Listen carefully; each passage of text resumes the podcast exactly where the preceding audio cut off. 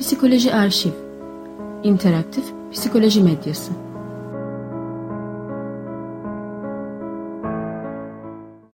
Düşüncelerimiz, hissetme ve davranış şeklimizi büyük ölçüde etkiliyor. Mantıksız düşünceleri dinlemek ve bunlara inanmak, iletişim ve ilişki sorunlarının yanı sıra sağlıksız kararlar gibi çeşitli sorunlara yol açabiliyor. İster kişisel, ister profesyonel hedeflerinize ulaşmaya çalışıyor olun, yapılan düşünce hataları konusunda farkındalık kazanmak oldukça önemli. Genelde bilişsel çarpıtma olarak bilinen düşünme hataları, rahatsız edici duygulara ve istenmeyen davranışlara katkıda bulunan mantıksız inançlardır. Hepimiz düşünce hataları yapmaya eğilimliyiz. Bu eğilim hayatımızı bazen zorlaştırabiliyor. Bu nedenle hem bu düşünce hatalarının farkına varmak hem de bunları değiştirmek için gördüğümüz en yaygın düşünce hatalarını sıraladık. Şimdi hep birlikte en yaygın düşünme hatalarını inceleyelim. Aşırı genellemeler yapmak, akıl okuma, kişiselleştirme, seçici soyutlama ve fal bakmak. 1. Aşırı genellemeler yapma. Yaşadığınız olumsuz bir durumu kural haline getirerek diğer tüm her şey için genelleştirdiğinizde bu düşünce hatasını yapmış olursunuz. Örneğin bir iş anlaşmasını yapamadığınızda anlaşmaları tamamlamakta kötüyüm diye karar verebilirsiniz.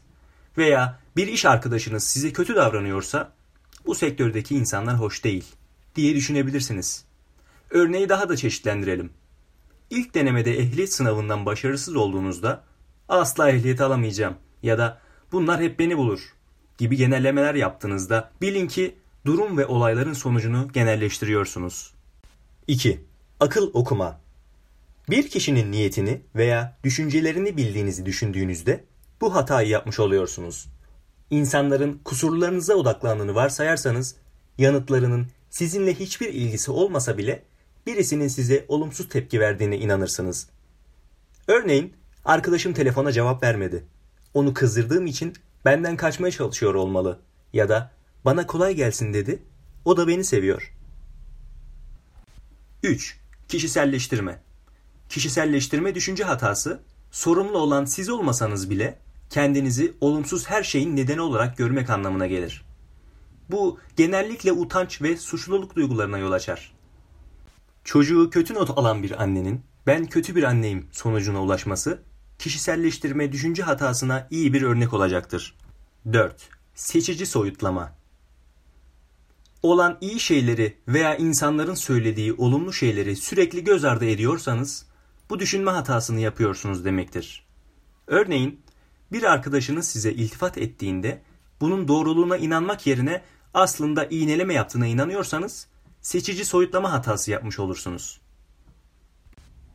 5. Fal bakmak. Falcılık sonuca varma kategorisine girer. Bir şeyin kötü bir şekilde sonuçlanacağına o kadar ikna oluyorsunuz ki bunun kaçınılmaz bir sonuç olduğundan ve sonucu değiştirmek için söyleyebileceğiniz veya yapabileceğiniz hiçbir şey olmadığından emin oluyorsunuz. Örneğin bu işe başvurursam bana gülerler ve özgeçmişimi atarlar. Verdiğimiz örneklere ek olarak siz de bildiğiniz bilişsel çarpıtmaları örneklerle açıklayabilirsiniz. Bir sonraki yazıda görüşmek üzere.